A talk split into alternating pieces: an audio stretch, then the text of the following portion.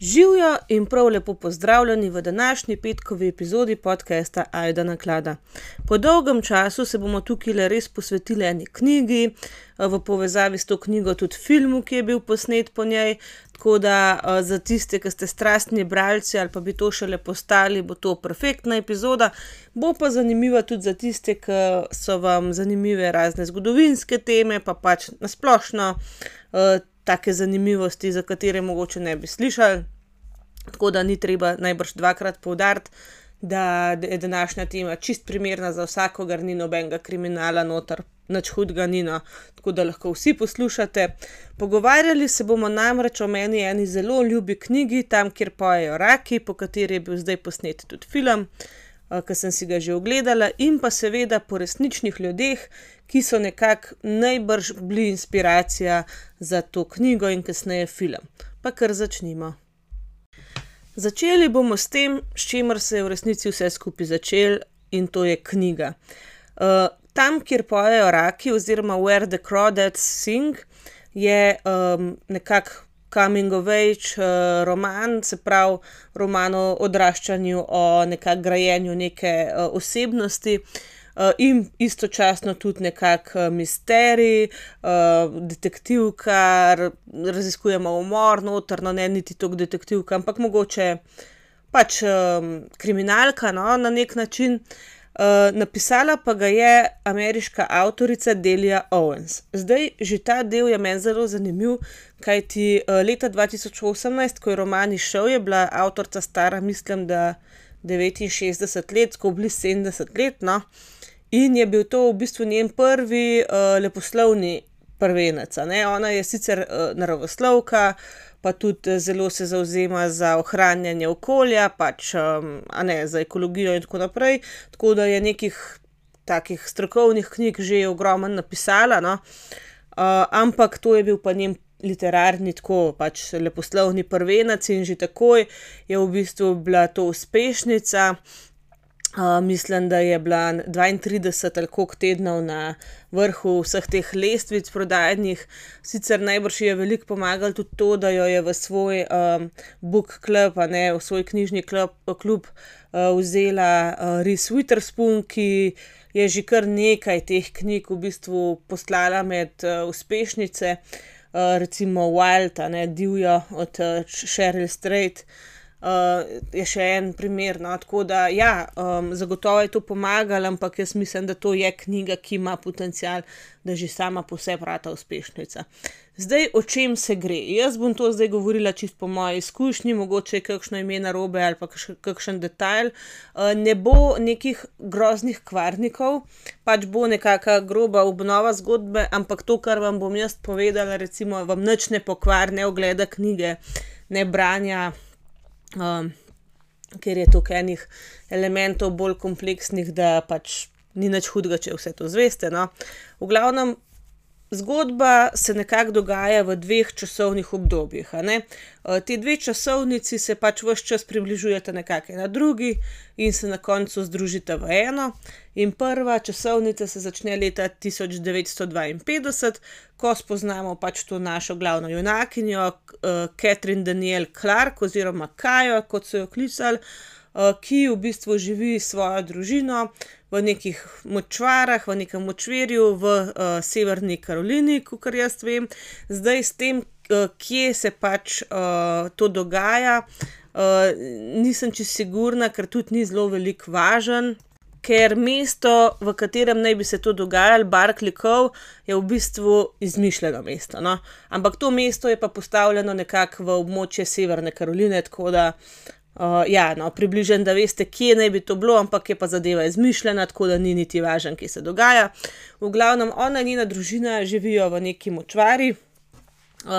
to je eno tako močvirno območje, kar široko, tako širok pas močvirij v bistvu med nekako celino pa med morjem pol. In tukaj res ona opisuje to res zanimivo floro in favno. V bistvu vse te živali, ke tam živijo, v tem res posebnem ekosistemu, na primer, a ne, kjer se mešata sladka pa slana voda. rastline, ke tam rastejo, pa tudi načine preživljanja, ne, ke jih ljudje, ke tam živijo, pač imajo, ne. Zelo veliko je opisanega teh vožen s čovni po teh rokavih, to so tako kot eni mrtvi rečni rokavi. No. Tako sem si jaz takrat pač predstavljala, pa tudi zdaj v filmu je bilo zelo tako lepo prikazano, v glavnem po katerih se pač ti ljudje pol vozijo, na, lovijo ribe, nabirajo školjke in tako naprej. Seveda pa je tam tudi zelo rodovitna zemlja, tako da ne se preživljajo tudi s poljedelstvom, no, ampak kakorkoli to niti ni tukaj zdaj tako važno. bolj pomembno je, da je um, Kajin oče res zelo nasilen moški. zdaj nekajkrat je omenjeno, da je on pač bil vojak, a ne, da je prišel iz vojske in se je v tistem obdobju, pa tudi potem kasneje, ne, po vietnamski vojni smo poslušali veliko takih zgodb, ko so bili očetje zelo nasilni, ker so bile tukaj neke travme pa neke posttravmatske stresne motnje, ke pač jih niso, noben jih ni zdravil, ne, noben se ni z njimi ukvarjal. Tako da ne glede na to, da je tukaj čisto fiktivna zgodba, se mi zdi kar zelo verjetno, no. V glavnem ta oče je bil zelo nasilen in, psihično in fizično, pa tudi, alkoholik je bil in na koncu, no, v glavnem najprej odide Kajina mati, potem pa starejši sorojenci in na koncu ostane ona z očetom tam v močvari sama. dokler tudi njega en dan ne zmanjka, ne. In, ostane sama, sama pri, ne vem, šestih ali sedmih, osmih letih, v glavnem čisto majhna punčka. In zdaj tukaj začnemo spremljati nekako njeno življenje. Skuša iti v šolo, tam se otroci iz nje norca delajo, ke je čisto neprilagojena, umazana, nima ta pravih oblačil. In potem v bistvu ona res zapusti čisto to civilizacijo in se preživlja s poljedelstvom, mislim, sadi si pač stvari za hrano.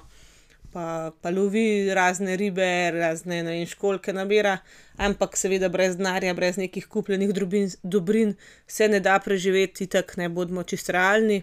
In se ona začne v bistvu, se tako znašla, ker je pač, že prej z očetom hodila k nekemu jumpinu, to je neki črnec, ke s svojo, ženo živi na neki, isto tam v močvirju, ima pač, to bencinsko črpalko, ker pač tja hodijo s čolni pač tankat valjda, ne.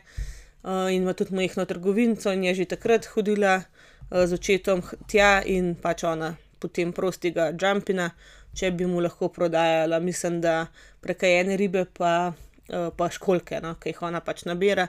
In na ta način se, v bistvu ona znajde, da dobi neki denar za tiste najnujnejše stvari, ke jih rabi, a ne. zdaj, Jumpin pa njegova žena Mabel sta v bistvu potem kot neka starševska lika v njenem življenju. Ves čas malo pazita nanjo, ji pomagata, ji data kaj več, kakor pač bi sicer ji morala dati, ne, glede na tisto, kar ona prinese. Tako da v bistvu ratata res dva njena zaščitnika in brez njiju recimo ona ne bi pač preživela, no. potem drugi del, se pa dogaja nekje leta tisoč devetsto sedemdeset, ko pa poteka sojenje Kaji. kajti zgodi se v močvirju neki umor, neki Chase Sanders, to je en zelo priljubljen moški iz, iz mesta bližnjega, je bil našel v močvari pač mrtev, zdaj predvidevajo, da je bil umorjen, ampak ker je bil pod nekim, stolpom opazovalnim, bi lahko sicer tudi padel dol, ampak vsi dokazi kažejo, da morda le ne, a ne. In seveda vse, vsi prsti so uperjeni v Kajo, ker je pač outsiderka, ker je nekaj drugačnega, ker je tudi pač ljudje ne poznajo in so takoj pač se odločili, da je ona kriva. Zdaj, jaz vam več ne bi povedala, morda samo, da se vmes pač s Chasom tudi spoznamo, spoznamo se še, z enim drugim moškim likom, kajti Kaja se pol v bistvu vseeno najde neki stik, pač z drugimi ljudmi, porajajo se prve ljubezni in tako naprej. Prve izkušnje tudi v spolnosti, ki so ali pa niso pač prijetne, to boste sami si prebrali. Ampak ja, v glavnem en kup enih razočaranj, v bistvu ona nima občutka, da bi jo ljudje lahko še karkoli drugega kot pač samo razočarali, no. tako da, to sta v bistvu ti glavni časovnici. se pravi, njeno odraščanje v nemogočih razmerah in potem to razreševanje umora, kjer tudi mi kot bralci ali pa gledalci ves čas ugotavljamo, a je bila ona, a ni bila ona, kdo je bil, zakaj se je to zgodilo in tako naprej. Zdaj še ena tema, ki je pa zelo pomembna v tem romanu, a ne, in, je recimo meni, tako uh, najbolj všeč. No, tudi recimo ta knjiga je zelo taka, da enim je ful všeč, enim pa grozen ni všeč in ne razumejo, recimo, kaj je na njej. Ampak recimo meni je že brez česar koli drugega bi mi bila všeč, zaradi tega, ker, uh, ker tako lepo opisuje naravo, ker Kaja je res taka ona. Res opaz stvari, ona opazi vsak, ne vem, peresček, ki ga na tleh najde, žuželko in tako naprej. In v tem smislu sem se pač jaz tudi malo poistovetila z njo. Uh, ona pa začne tudi risati te živali, ki jih opazuje, in tako naprej. No, zdaj spet tukaj je še en storyline, ki vam ga ne bom preveč razkrila. No. Ampak ja, recimo ta upodobitev narave, sploh teh močveri, um, je bila za me zelo, zelo, zelo um, krasna. No. Zdaj, um, kot smo rekli, no, je bila zelo, zelo dobro uh, sprejeta knjiga, bilo je nekaj kontroverznosti pač. Uh, okrog knjige tudi, no, recimo, malo je bilo tako obtoževanja uh, glede odnosa do temnopoltih likov v tej knjigi. Uh, jaz vam bom sicer pol kasneje povedala eno povezavo z resničnimi zgodovinskimi dejstvi, tako da mogoče mačkam bolj razumem, zakaj je pač mogel biti jumping temnopolt, ne. Uh, uh, je čist logična izbira, ampak tukaj je kontroverznost bolj povezana s tem, da je pač avtorica Dilja Owens um, povezana z enim umorom. Um, zdaj to se je zgodilo v Zambiji, kjer je ona s takratnim možem in pač njegovim sinom. Bila pač, ne vem, imela nek rezervat tam, v glavnem tam so bližnji, ki so se borili proti divjim lovcem, in dejansko je bil en divji lovec tam uh, umorjen, pač ustreljen, in je bilo to tudi umor, uh, pač, uh, ujeto na film, in uh, nekdo od njih naj bi to storil. Zdaj, uh, Delia Owens naj ne bi bila pač usumljena za ta, za ta umor, ampak uh, je pa potencijalna priča, tako da to, to se bo še razpletalo. No? Tako da to recimo je bila še ena kar dost velika kontroverznost okoli tega. Pa mogoče uh, pač še uh, razlaga tega naslova. Jaz, preden sem brala knjigo, mi je bil najbolj butast od vsega naslov. Pač kakšni pojejo, raki, kaj je to, ampak v resnici se ta naslov kar skrije, že kar zelo hiter na začetku knjige in filma, kjer v bistvu mama, ko odhaja. Um, Kaj ji reče, uh, da ko bo v težavah, naj gre tako globoko v divjino, uh, naj gre tja, kjer pojejo raki.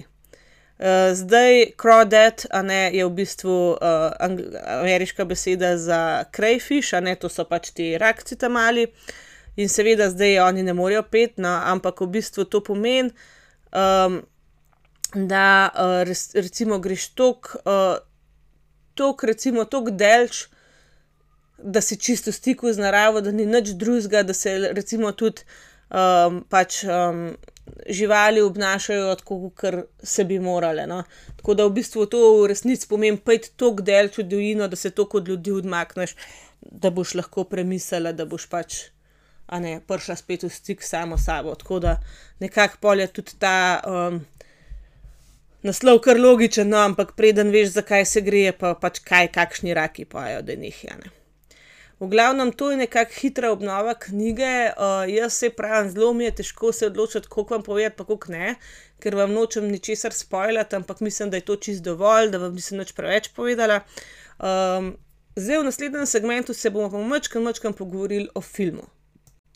No, istoimenski film je prišel v kinematografe v bistvu letos poleti, mislim, da julija ali avgusta, ne vem, zdaj.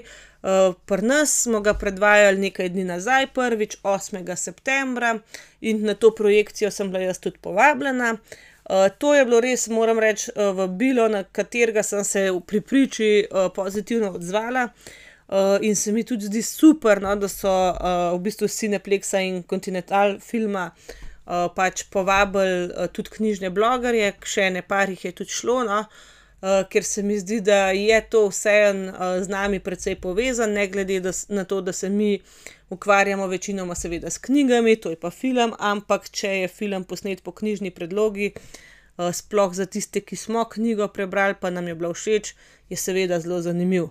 Zdaj, uh, jaz sem pred ogledom tega filma bila kar močkan skeptična. Zakaj? Kot sem rekla, to je meni zelo ljuba knjiga. In um, se mi zdi, da zelo malo krat filmi dosežejo tisto, kar si ti o knjigi predstavljaš. Ne? ne bom rekla kvaliteto knjige, ker kvaliteta je zelo relativna stvar. Tako kot sem rekla, tudi glede te dotične knjige so bralci zelo razdeljeni. Enim je fejst všeč, drugim je bleh, tako kaj vidite na njej. Ne? Ampak recimo meni ne, je všeč zaradi enih čist mojih pogledov, ne? zaradi ene moje osebne povezave z likom. Naprimer, nekomu drugemu je všeč pa zaradi neke čist druge stvari. In ni nujno, da naprimer film se dotakne ravno tistega, zaradi česar ti je bila ta knjiga všeč. Uh, tako da, kot sem rekla, jaz sem šla v ogled tega filma dokaj skeptična. Uh, tako sem si mislila, oh, da jim držimo pesti, da bojo naredili pač temu te knjigi uslugo, in jaz moram reči, pač, da so jo. Zdaj, uh, producentka je uh, Reese Witherspoon in uh, Hello Sunshine, mislim, da je ta njena uh, producentska firma, kako koli, no, glavno, ona je za tem filmom stala, ker kot smo rekli, je bila ta knjiga tudi v izboru za uh, njen bralni klub. Ampak ja, pozna se, da je bila ona zadnji, ker meni se zdi tudi potem, ko sem gledala, naprimer, uh, Wild, ne, divja, uh, pa potem, ko sem zdaj naknadno šele prebrala tudi knjigo, ki mi sicer ni tako všeč, ampak moram reči, da film po knjigi je bil pa odlično narejen. In jaz mislim, zdaj jaz nisem strokovnjak na področju filma, nikakor, no, se pravi, to no, moje mnenje je čist, bolj lajično ne more biti. No, ker pač v knjigah vseeno imam lahko malo bolj mnenje, ker jih veliko preberem, v filmu pa ga zelo težko imam. No. Ampak jaz mislim, čisto kot lajk od odzuni, da res se res pozna, da je bralka. No da ona pač te knjige rada tudi bere in da mogoče kot bralka ve, kaj pričakovati, oziroma kaj si ona kot bralka želi od filma po knjižni predlogi pol dobitno. Ker je bil res, res odlično pripravljen ta film, uh, zdaj uh, ven so izrezali določene stvari, ki niso ključne.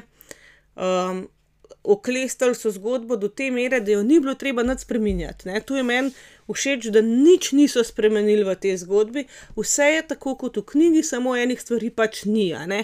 In ene stvari, ki so se nam v knjigi fulbol razprostrle, bolj direkt razložile, naprimer, tistih stvari, naprimer, um, mogoče v filmu ni, ampak ne manjkajo. Ne? Recimo, tebi, ki si bral že knjigo, je itak jasen, ker, ker veš. Ne? Tistemu, ki samo film gleda, pa je tudi vse jasen, ker ne ve, česa ne ve. Ne? Mislim, uh, recimo, mi dva sva šla gledati in Matej ni knjige bral, čeprav prav, da bi zdaj jo rad prebral. Um, in njemu je bilo vse, vse jasno, vse razumljivo, jaz, ki sem pa pač brala knjigo, sem pa vedela še mrčkan več, ne v zadje. Tako da res, res super izbira kadrov, kaj so vključili, kaj ne. Uh, sicer sem se z eno blogersko kolegico pogovarjala, ona konkretno, naprimer, je pogrešala en dotičen prizor, ki vam ga zdaj seveda ne bom povedala, ker bi bil spoiler. Ampak jaz se, naprimer, pa že tega istega prizora, ne se je zdel blazno pomemben, ne, da bi pač moral biti uh, v filmu, jaz se ga pa že iz knjige nisem spomnila. Kar spet pridemo do tega, da nekatere stvari so zate, kot za posameznika, bolj čustveno nabite in zaznamovane, ne, in jih pol drugače doživljaš. Ker uh, meni, na primer, bi pa zelo manjkalo, če bi bila vsa ta narava ful bolj površno predstavljena. No. Zdaj uh, je bila pa res čudovito predstavljena in moram tudi reči, uh, pač te močvare sem si jaz po svoje predstavljala. Uh, niti nisem šla googlat, kako bi to izgledalo, ker itak ne obstajajo ne, te dotične močvare, ki jih ona uh, opisuje, ampak sem si jih predstavljala, kot sem si jih. Polka smo imeli ta uh, bralni klub, nakladamo zajdo, liho tej knjigi. Uh, na YouTubu najdete ta cel posnetek, če vas bo kdaj zanimal. No, tam sem seveda malo pogledala po spletu, kako naj bi v Severni Karolini izgledale te močvare in so bile zelo take, kot sem si jih jaz predstavljala. Ampak, naprimer, to, kar je pa v filmu, je pa čistko, no, res. Res so zadeli in uh, mislim, meni osebno je bilo užitek gledati, užitek v bistvu videti tisto, kar sem jaz imela v glavi, kar sem si v glavi predstavljala, um, ko sem brala knjigo. Zdaj, um, a je film strašansko kvaliteten? Ne vem. Kot sem rekla, nisem strokovnjak. Zdaj na IMDB-ju je trenutno, pač ocena sedem cela ena, kar je kar v redu ocena. Zdaj, baje, da neke kritiške ocene so kar precej slabe, a ne. Nekje na enih drugih platformah. Jaz iskreno teh ocen nikdar ne grem gledat, razen če grem čisto iskat kar en film, ke me drugače glih ne zanima. Mogoče preverim najprej, kje točno smo, ampak za ta film, ke sem si ga že itak želela ogledati, pač me res ni zanimalo, kaj drugi ljudje pravijo. meni je v redu, je pa to takšen feel good film, no. ke ga bom jaz po moje še stokrat pogledala pol, ke bo prišel na kakšnega ponudnika pretočnih vsebin, no. tako da ja. zdaj, če vam še malo tehnikalij povem. film traja, čakajte samo malo, dve uri in pet minut, no, tudi to me je, to me je presenetilo, ker ker je kar dolg, no, jaz sem vseeno mislila, da bo krajši, da bo bolj tako, no, na easy, ampak ne, so si kar vzeli čas. zdaj, kakšen je to žanr, bi rekla bolj neka drama, mystery, triler, no. ja, tako tudi na IMDB-ju piše. zdaj, režiserka je Olivia Newman, kar se tiče piscev scenarijev, seveda na podlagi romana Delia Owens je napisala scenarij Lucy Alibar. Smo že rekli, producentka je bila Reese Witherspoon, tudi, a ne, so bili še drugi. In pa, glavna zvezda v naslovni vlogi je Daisy Edgar Jones. Zdaj, jaz sem njo prvič videla pri čemerkoli, baje, da igra, mislim, baje, igra, no, v seriji Normalni ljudje, ampak ta serija pa mene res ne zanima, ker mi tudi knjiga, ni bila ena od najljubših, tako da, ni v nekem interesnem območju mojemu, tako da nisem je gledala, ampak tukaj moram reči, da je bila odlična. Ravno zato, ker je bila tako generic, no, mislim, ne znam vam drugače povedati, ampak zelo je taka navadna, zelo taka, takoj bi jo lahko pozabil, no, mislim, nič posebnega ni ne za pogledati ne nič, ne pomeni, da ni lepa, ampak tako, nič posebnega, kar je odlično za to vlogo, no. ker mene je bilo strah, da bo ta Marš girl, ne, v bistvu v filmu pol pa neka eksotična, eterična lepotica, ne, kar ne more biti, glede na to, da odrašča tam nekje sredi močvirja, da cunje dobiva, ne vem, rabljene.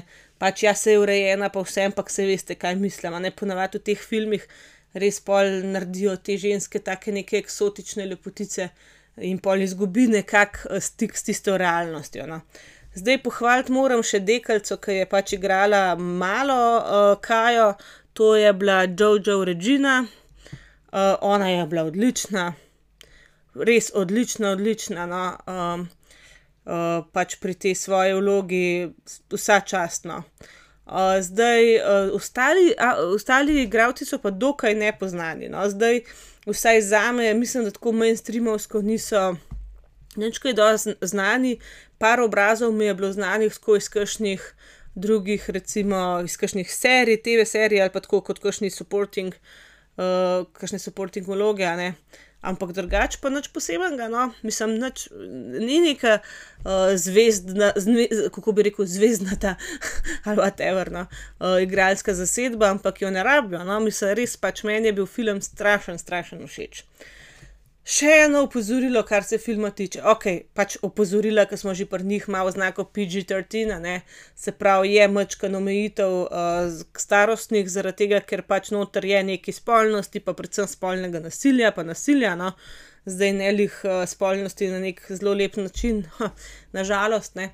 tako da majčkeno, majčkeno je treba biti vseeno pozoren, no, Drugače bi pa jaz samo še opozorila na to, da je vsaj pri nas, zdaj ne vem, kako je v tujini, marketing tega filma zelo usmerjen v ženske, ne. Zdaj recimo, ko sva midva šla, je bil pač kakor premierna projekcija je bila in je bilo, varianta Ladies night, a ne. Pač in smo bile res skoraj same ženske, pač Matej je bil pa še ene trije moški so bili v dvorani. Ampak to ni film za ženske, ker itak, kaj je film za ženske sploh, ampak res ni film, ke bi ga lahko samo ženske gledale pa ob njem uživale, no, to je v resnici res bolj neka drama.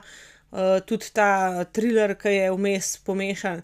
Uh, zdaj Matej je rekel, da je res užival v filmu. Uh, mogoče pa smo se pogovarjali, da se reka, a misliš realno pač, da je bolj ženski film, pa rekel, da ne. Edino, kar je, da bi lahko tako mislili ljudje, zato ker so v resnici več ali manj glavna junakinja ženska, oziroma glavna junakinja je ženska, no, in pol tudi neka ta tema je v bistvu usmerjena v to neko polnomočenje žensk, pa da ženska pač lahko reče ne in uh, se odloči za nekaj drugega, kot pa ji pač tisti moški takrat ponuja ali pa družba na splošno. Ne? Ampak drugač pa res uh, ni namenjen ženskam, uh, samo ženskam, pač komod.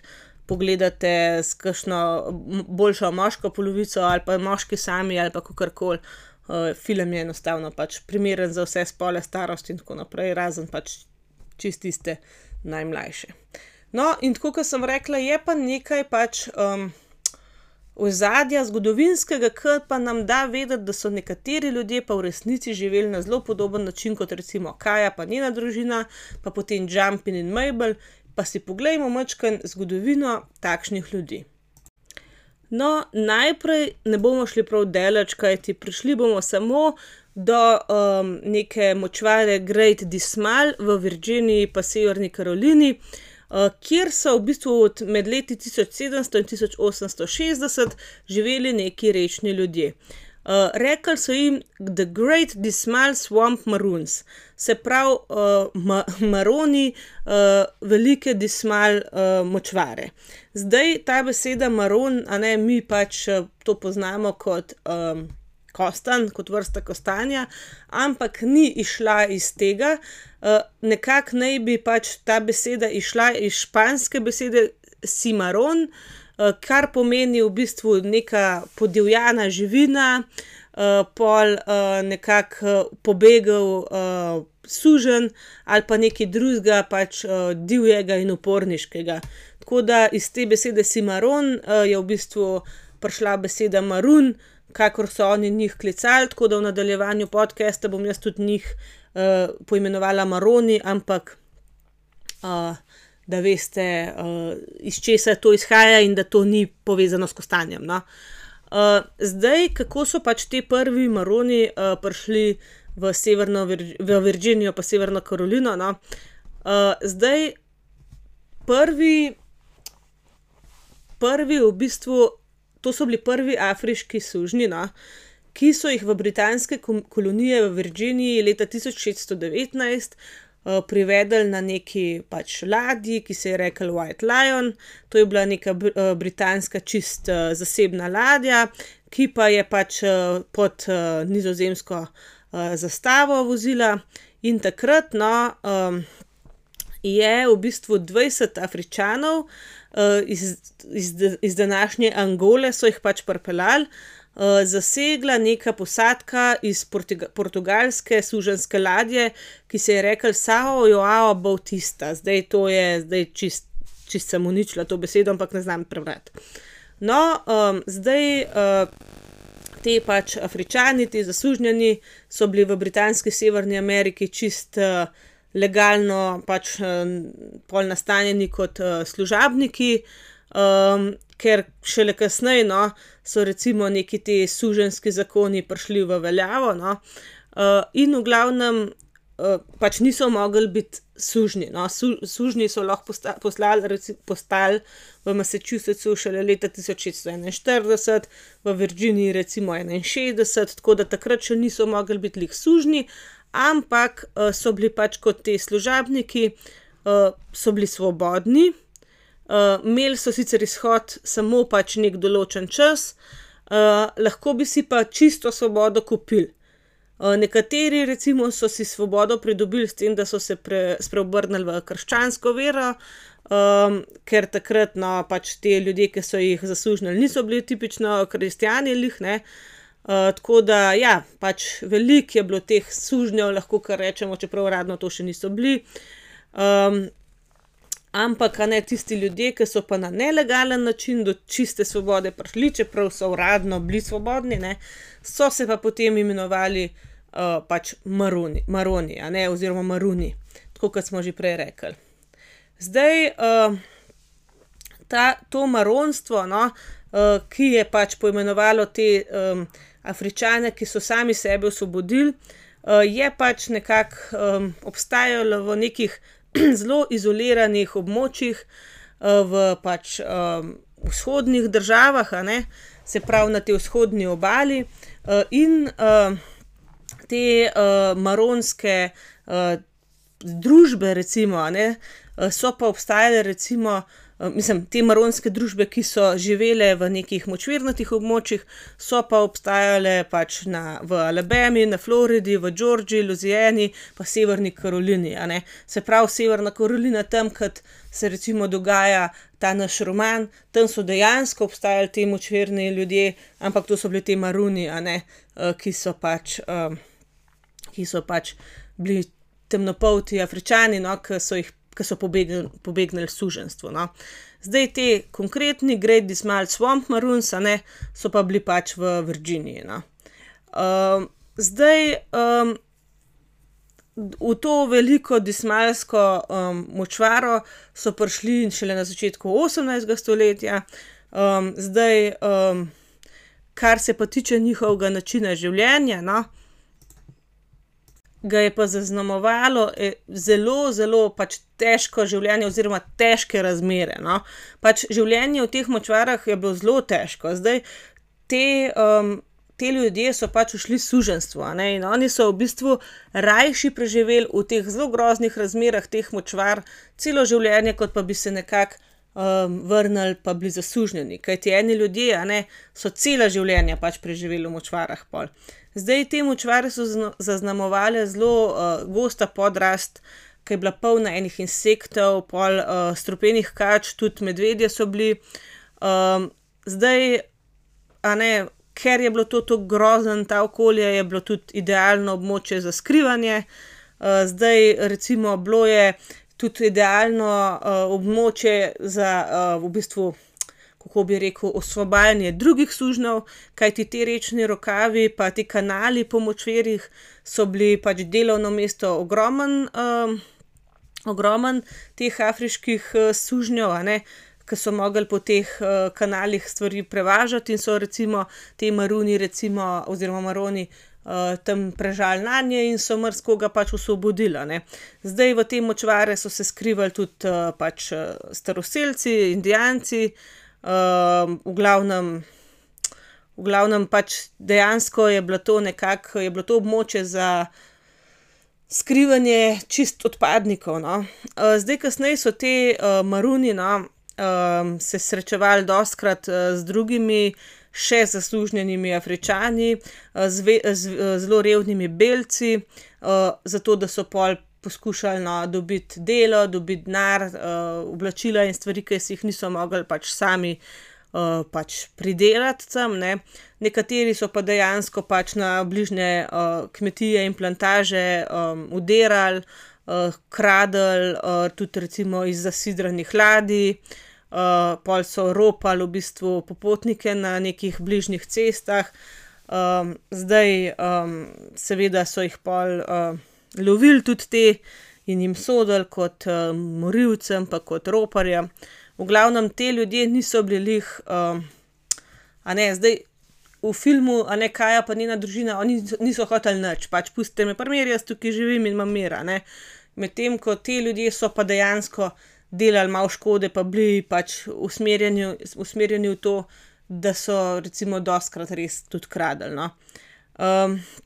Zdaj, kot sem rekla, pač tukaj v teh močvirjih so bile razmere res neugodne, bilo je vroče, bilo je, soparno, vlaga, te smrtonosne živali, pač res je bilo težko, pač živeti tukaj, ampak pač dejansko so te družbe, upornikov, a ne, pobeglih, iskale ta območja, kjer je bilo res težko tja priti in tudi težko tam živeti, no. Tako da ja. zdaj to je dovoljevalo veliko teh, družbam, no, da so živele res v miru in relativno pač svobodno. zdaj oni so zelo uporabljali te naravne danosti, ki so jih pač v teh močvirjih našli, s tem so pač oni gradili, gradili, hiše, pač svoja domovanja, no. Pol tudi, orodja in tako naprej.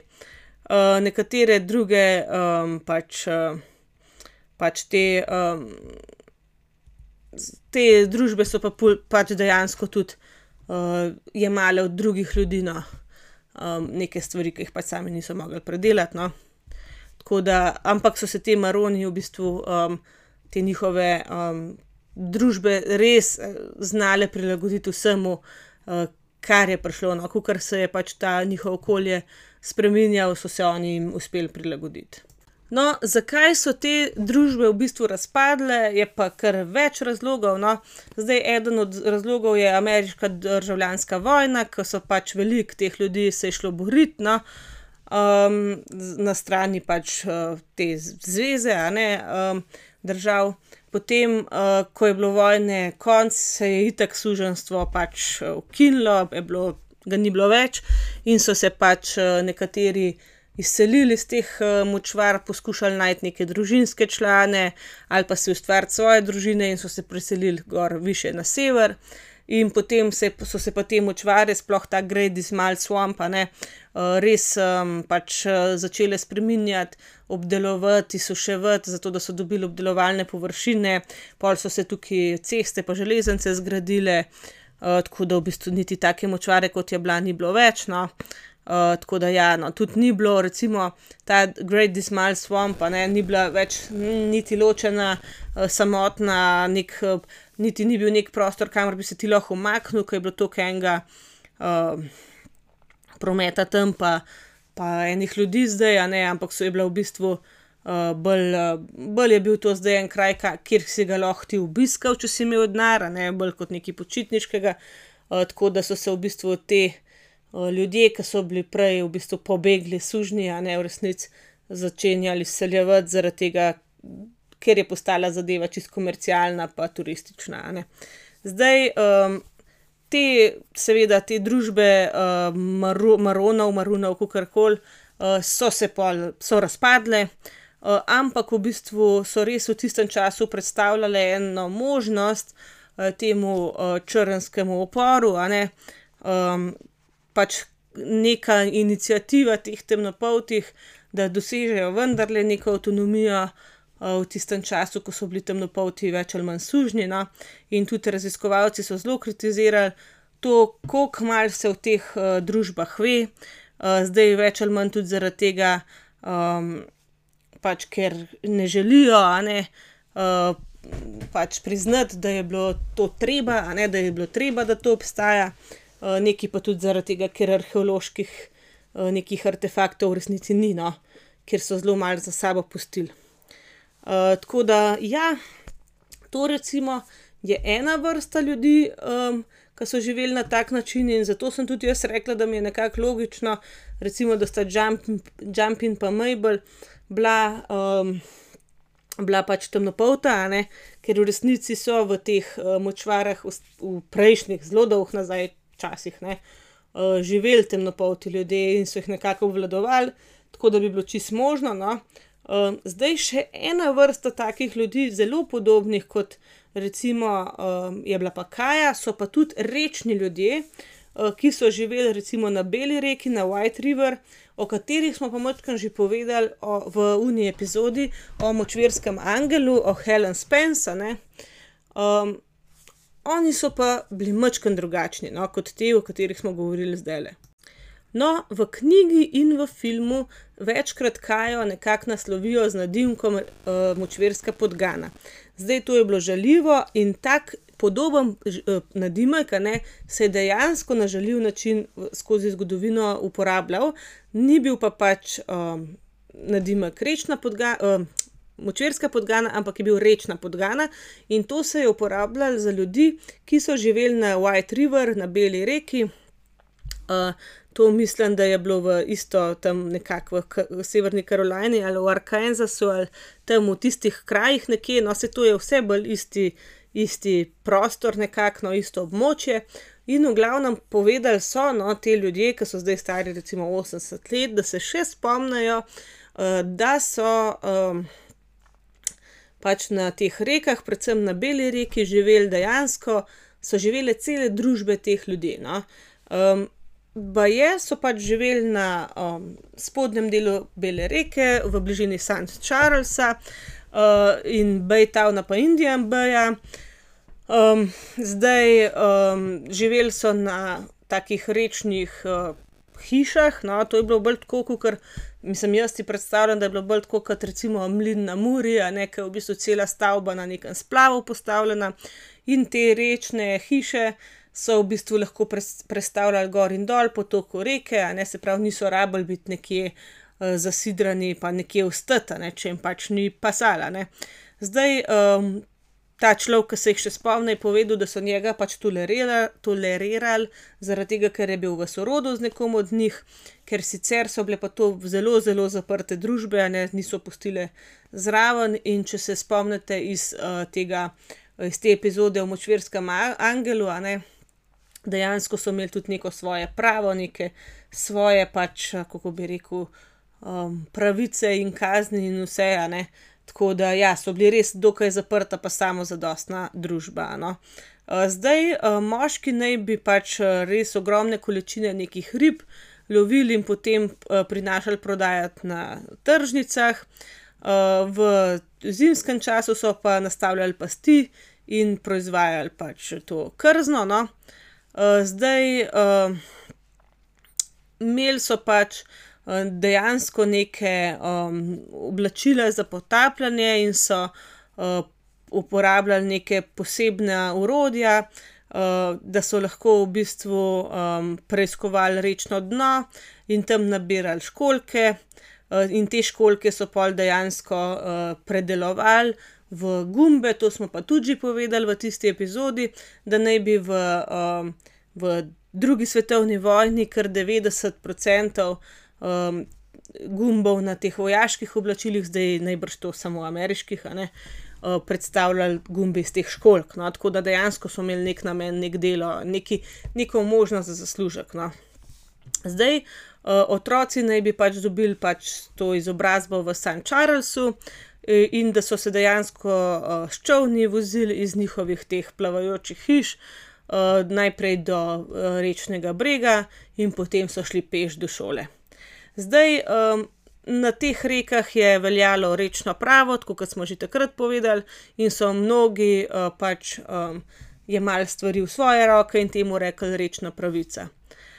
zdaj do nekako te velike, recesije, ke je prišla takrat, po po prvi svetovni vojni, je v bistvu ta, življenje na tej reki, sploh v okolici St Charlesa bilo res na vrhuncu, no.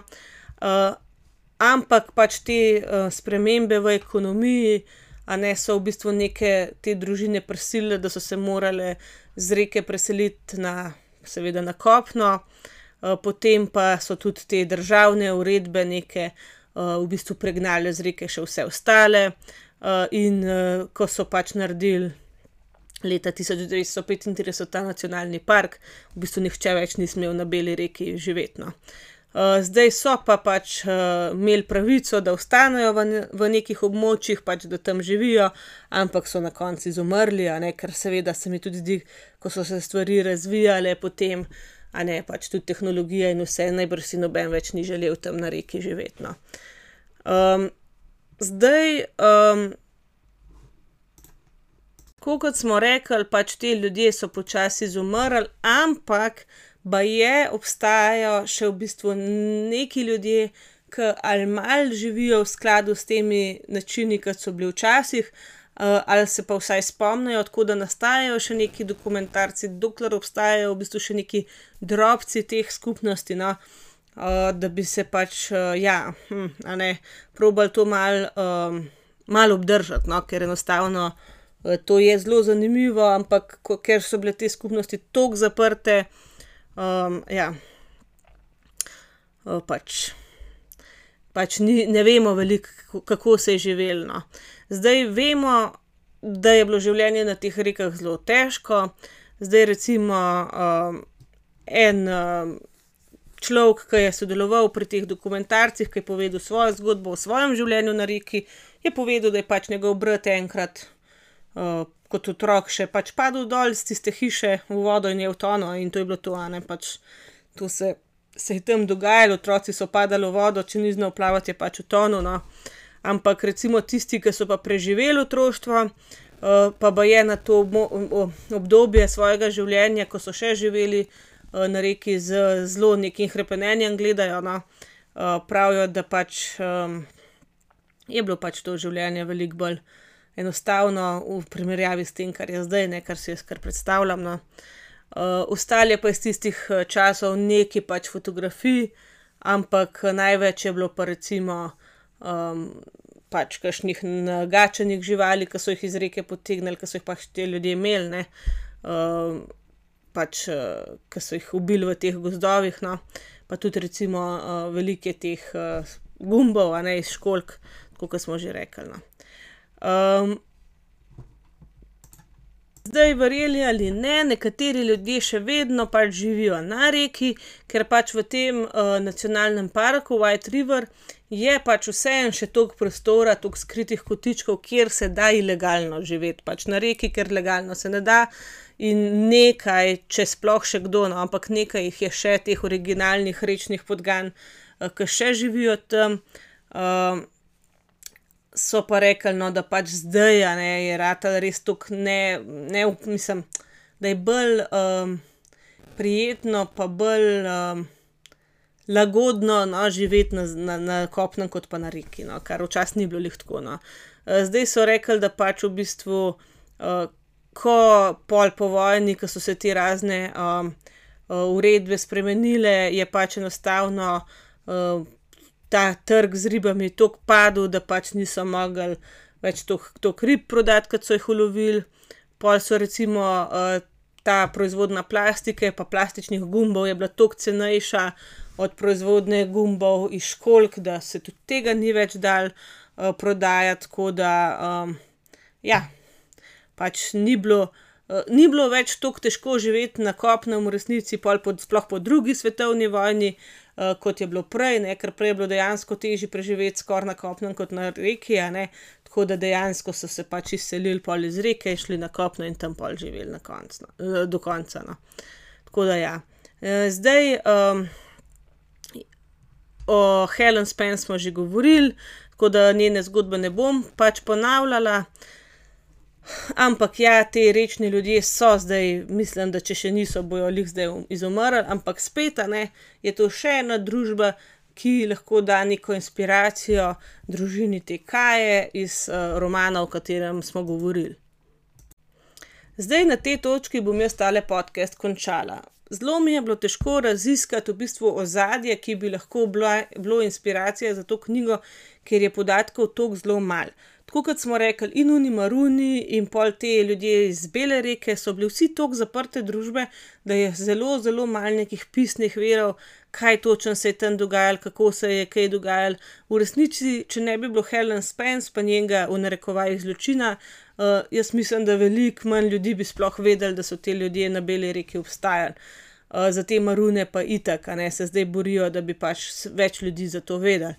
Uh, meni je to strašansko zanimivo in zanimivo mi je, kako tudi ena stvar, ki je v bistvu čista fikcija, kot je pač ta romana, ne, te lahko pol propelje, če mečken raziskuješ, pa razmišljaš do nekih zelo, zelo zanimivih zgodovinskih resnic. Um, zdaj to bo za to epizodo dovolj. Moram vam povedati, da so vse tri uh, epizode tega tedna posnete vnaprej med vikendom, tako da sem zdaj že kar malo utrujena, ker pač ne snemati tri ure uh, se nisem čisto eno za drugo, ampak ja, a ne. Uh, je drugače, kot če posnamemo še eno, pa pol dva dni neč več, ne. Ampak uh, mi vseeno to bolj ustreza, kot pa med tednom, ki imam manj časa. Tako da um, upam, da vam bo tole všeč, ni pa tako zelo aktualno, kot če snemam tisti dan prej. Tako da včasih, recimo, mi kaj napišete, pa sem lani, naprimer, pokomentirala že v naslednji epizodi, zdaj bom pač naslednji teden pokomentirala. Če je pa kdaj kakšna izjemna novica, ki jo je treba povedati, bom pa že vmes urinila kakšen segment, tako kot sem prejšnji teden glede smrti kraljice Elizabete. V glavnem, um, to je to za danes in za ta teden, poslušamo se spet naslednji teden. Um, upam, da vam je bila tudi ta epizoda všeč, čeprav je bila močkam drugačna. No? uh, vas vabim na moj Instagram profil Aida Naklada podcast, kjer lahko te stvari pokomentirate, bom zelo zadovoljna, a ne če mi kaj napišete. Stisnite kakšen, kakšno oceno na Apple podcast ali pa na Spotify, kakšno virtualno kavo na uh, najdenaklada.com, kjer najdete gumbek Buy Me a Coffee. Drugače pa se poslušamo naslednji teden, ostanite do takrat varni in zdravi in čau, čau!